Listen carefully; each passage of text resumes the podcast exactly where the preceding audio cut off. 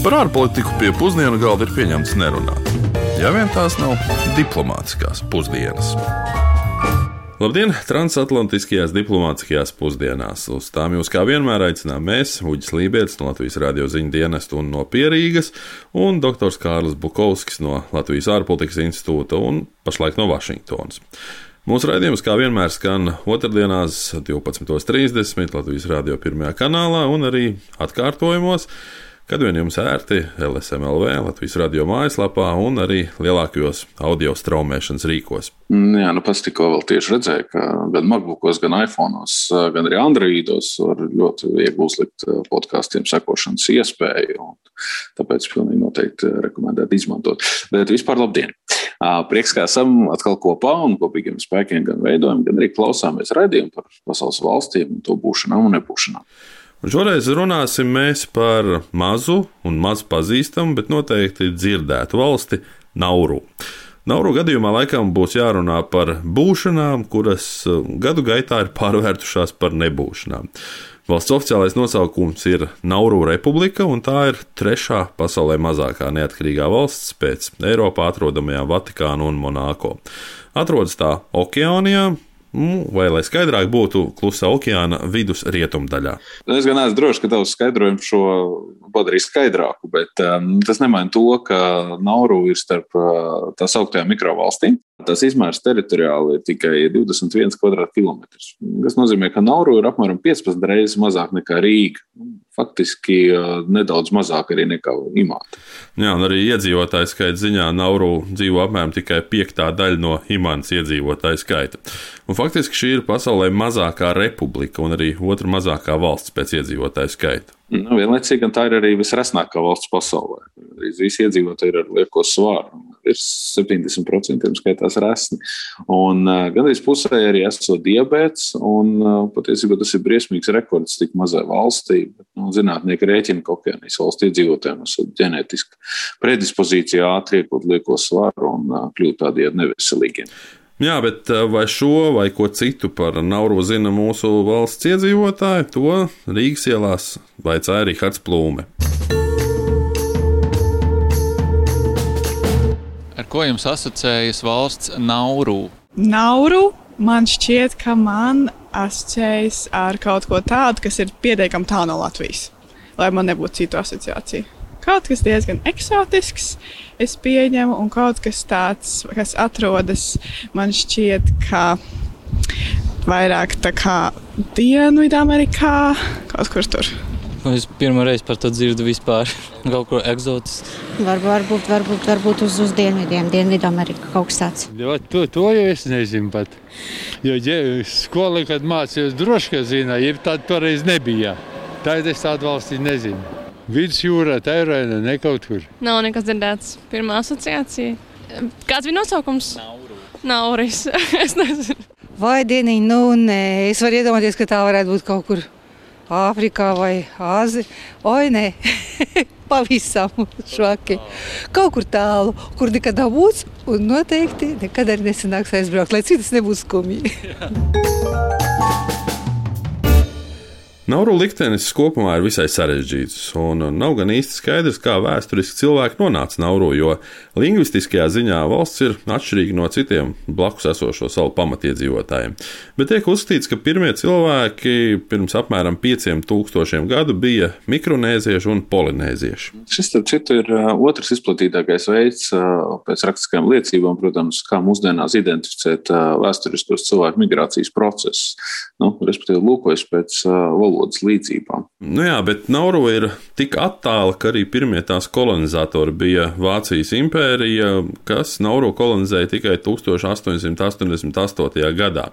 Bet pirmais Eiropietis salā vispār ieradās nu, mazāk kā tikai simt gadus pirms šī notikuma. Vācija gan kopumā bija tāds kā vēlīnais kolonizators, ja mēs skatāmies no Eiropas ekspansijas viedokļa. Respektīvi, vācieši mēģināja iegūt un pieprasīt teritorijas, kas bija relatīvi nepiedarošas jau daudz senākā posmā nekā mums bija tās pašas spāņu, portugāļu un britu un franču impērijas izplatušās. Nu, laikam jau vienkārši nevēlējās tērēt resursus uz ģeopolitiski attālām un nenozīmīgām vietām. Nu, bet, ja vēl ciniskāk raugās, tad uh, Vācija un Lielbritānija kopā sāka iegūt nauru atrodamos fosfātus uh, 20. Gadsimta sākumā. Pirms to Pirmā pasaules kara laikā okupēja jau nu, mūsu iepriekš apskatītā Austrālija. Bet pēc otrā pasaules kara tā bija Japāna, kur kontrolēja nauru teritoriju, vēlāk tā bija Jaunzēlande, un tikai 1968. gadā valsts ieguva neatkarību un uz brīdi arī kļuva par pašu bagātāko valstu pasaulē. Prieki gan bija īsi, jo fosfāta krājumi jau 80. gadu sākumā sāka beigties, un 2006. gadā tos pārstāja vispār iegūt, un šobrīd mēģina iegūt fosfātu subproduktus, lai kaut kādā veidā uzturētu valsts ekonomiku. Un aizstāt, protams, arī nebija īsti vairs ar ko, un vispār izēju materiāli arī ir jāieved no tās pašas Austrālijas. Nu, respektīvi, valsts, kuras ekonomika bija atkarīga tikai no viena izēju materiāla, kļuva ar vien nabadzīgāka. Tā, tā ir arī mūsdienās ar saviem nepilniem desmit tūkstošiem iedzīvotāju. Nu, salīdzinājumā atkal varam skatīties, ka tā ir apmēram kuldīgi pēc iedzīvotāju skaita. Nu, ja vien kuldīgi atrastos uz vienas salas. Bet uh, ienākuma līmenis mūsdienās uh, patiešām ar Latviju ir vien nu, tikai tik daudz salīdzināms, ka Nauru IKP uz vienu iedzīvotāju ir trīs reizes mazāks nekā Latvijā. Nu, tas pēc pirksveids paritātes, jeb ienākumu pret preču cenu, ja mēs rēķinām. Tieši tā, bet kā jau mēs minējām, Valsts vēl mūsdienās ir atkarīga no fosfāta subproduktu ieguves, lai arī tā nav pat starp 15 šīs nu, plaši atrodamās arī būtiskās izēvēles avotiem. Tādēļ Nauru ir izvēlējušies koncentrēties uz pakalpojumu sektoru.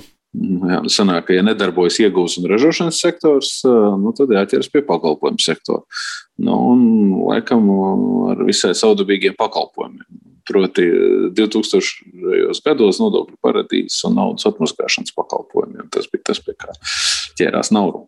Nu jā, kā runā, ka Krievijas mafija savulaik tieši caur Nauru bankām un arī dažādām čaulus kompānijām esot atmazgājusi. Nu, Tā nieka 70 miljardus dolāru. Tas ir daudz vairāk nekā Naurojas kopējā saimniecība. Bet paralēli kopš 2001. gada, bet vēl pavisam nesenāk, kopš 2012. gada, Nauru sniedz bēgļu izmitināšanas mītnes vietas pakalpojumus Austrālijai. Un šis rūpels ir tiešām interesants, jo tiek ziņots, ka pat astoņgadīgi bērni mēģinot izdarīt pašnāvību šausminošajās Nauru bēgļu nometnēs. Nu jā, diemžēl šādu drausmīgu stāstu ir diezgan daudz, bet uh, visu pamatā ir Austrālijas visai pretrunīgi vērtētā patvērumu meklētāja politika, jo uh, personas, kuras ieceļo valstī ar laivu, bēgļu statusu Austrālijā saņemt nevar. Un, tāpēc šie cilvēki tiek nosūtīti uz tā dēvētajiem bēgļu un patvērumu meklētāju, nu, varētu teikt, apstrādes centriem gan Nauru, gan Papo Jaungvinējā. Un šeit šie cilvēki faktiski vienkārši iesprūst rekorda augsts skaits nometināto cilvēku, vairāk nekā 1200. Nauru tika novērots aptuveni 2015. gadā, un Amnesty International eksperti vēl pirms dažiem gadiem ziņoja, ka nu, bezcerīgajā situācijā iegrūstie cilvēki ir viena no vistraumētākajiem, un uh, viņu stāvoklis bieži vien esot pat sliktāks nekā cilvēkiem, kas nāk no kara darbības zonas. Uh, nu, taču par spīti starptautiskiem nosodījumam un arī daudzu valstu piedāvājumiem palīdzēt. Uh, Austrālijas lielākās politiskās partijas joprojām uzskata, ka izvēlētā politika ir bijusi pareiza. Nu, tomēr jāsaka, ka zināms progress pēdējo dažu gadu laikā tomēr ir sasniegts, un, un cilvēktiesība aizstāv ziņo, ka pašlaik Nauru ir iestrēguši aptuveni 110 cilvēki. Un te gan jāpiemina, ka pašos bēgļu apstrādes centros Nauru vairs nedzīvo neviens cilvēks, bet salu pamest ir bijis atļauts visiem bērniem, kur ir atraduši māju vietu, pieņemsim, pat Amerikas Savienotajās valstīs. Jā, nu, bet, protams, ka ar šo stāstu viss nebeidzas. Jo Nauru ir diezgan veikali ne tikai savu izēju materiālu un teritorijas iespēju tirzniecībā, bet tā ir arī pieminēta kā starp tām daudzām valstīm, kuras spēja veikali tirgot arī savu suverenitāti.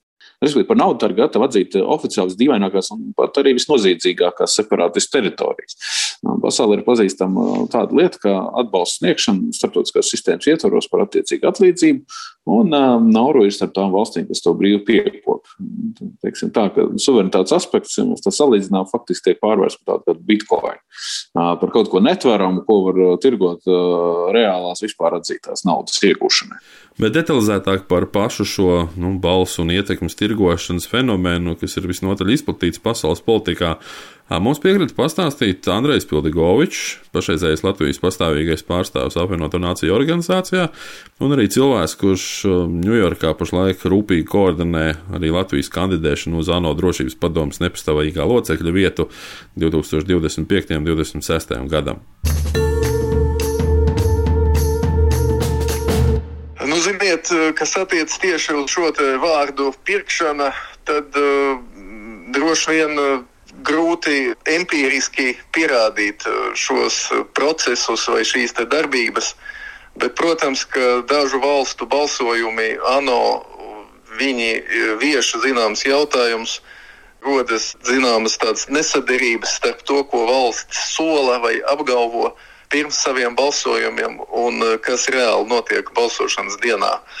Un, eh, nu, bieži vien šie pārmetumi ir parasti tēmēti uz mazām salu valstīm, uz dažām varbūt Āfrikas valstīm.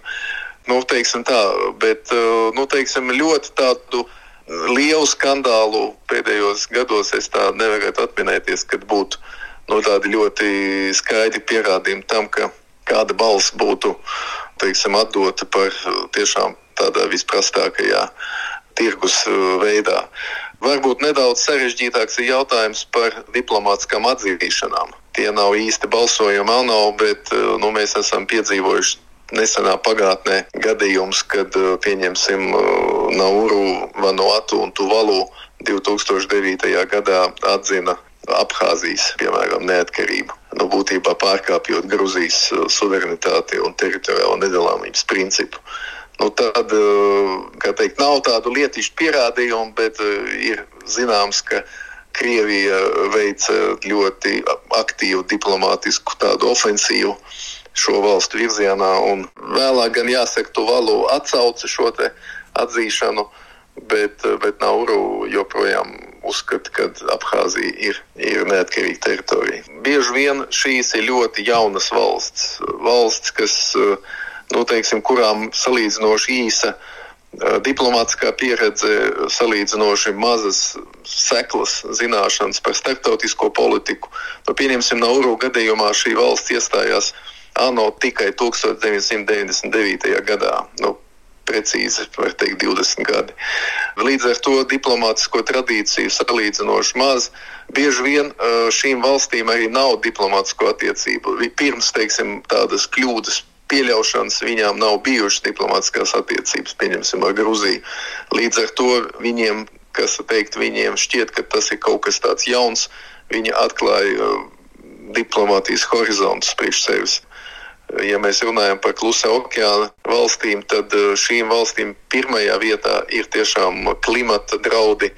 Daudzas no šīm valstīm atrodas uz tādiem ļoti plakaniem atoliem, un uh, tiešām jūras okeāna līmeņi celšanās par metru, diviem metriem burtiski nozīmē, uh, burtiski nozīmē to, ka šīs valsts var būt aplūdinātas, vai arī daudzām no šīm salām jau šobrīd nav dzeramā ūdens, saldūdens krājumi faktiski izsīkuši, pat lopu audzēšana vairs nav iespējama.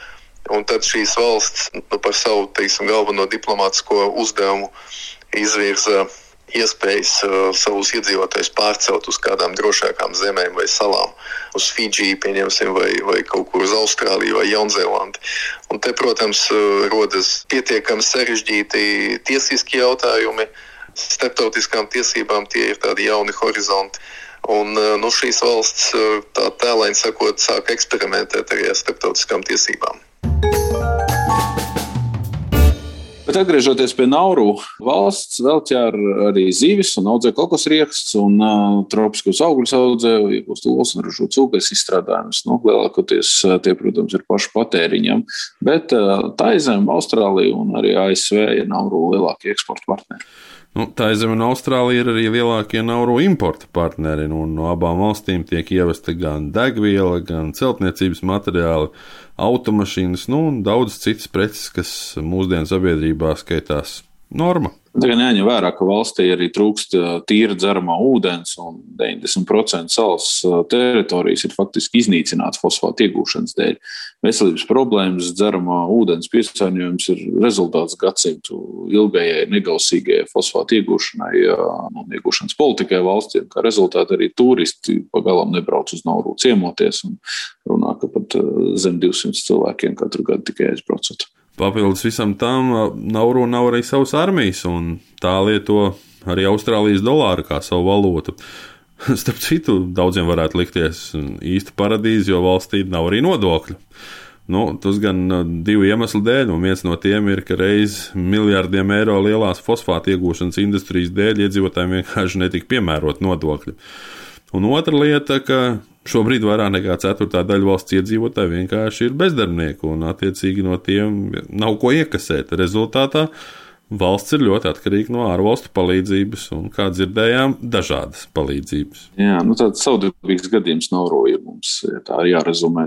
Nauro ir valsts, kur ir tik maza, ka īsti nespēja būt suverēna pats par sevi, bet vienlaicīgi ar savu rīcību mazina suverenitātes principu nozīmīgumu kopējā starptautiskajā sistēmā. Lai cik būtu paēdis, vienmēr ir vieta arī desertam.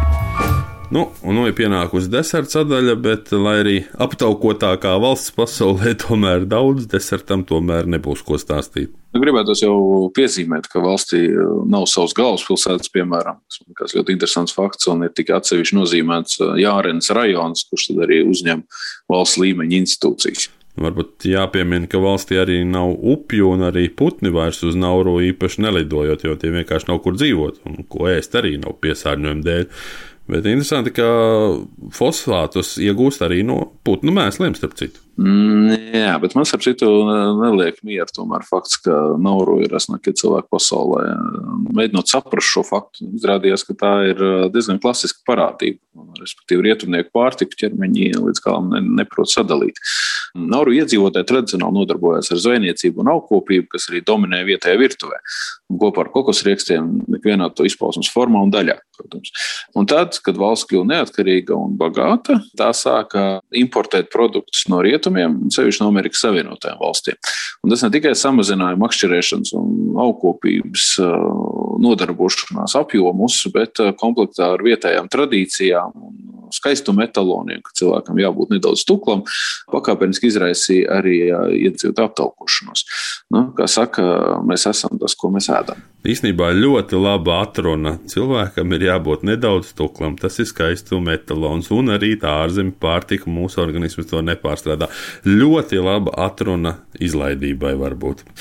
Un uz šī neviselīgi pārsādinātā fakta arī noslēdzam šodienas raidījumu. Atgādinām, ka atkārtojumos diplomātiskās pusdienas varat klausīties Latvijas radio mājaslapā un jūsu iecienītajās mūzikas un audio straumēšanas platformās. Vēlreiz raidījumu veidoja dr. Kārlis Bukovskis no Latvijas ārpolitikas institūta un Rīgas Stradiņu universitātes, pašlaik Vašingtonā, un Uģis Lībijs Latvijas radio un no Pierīgas. Uz sadzirdēšanos! Un, uh, nākamreiz mēs dodamies uz Irāku, bet tikmēr līdz dots.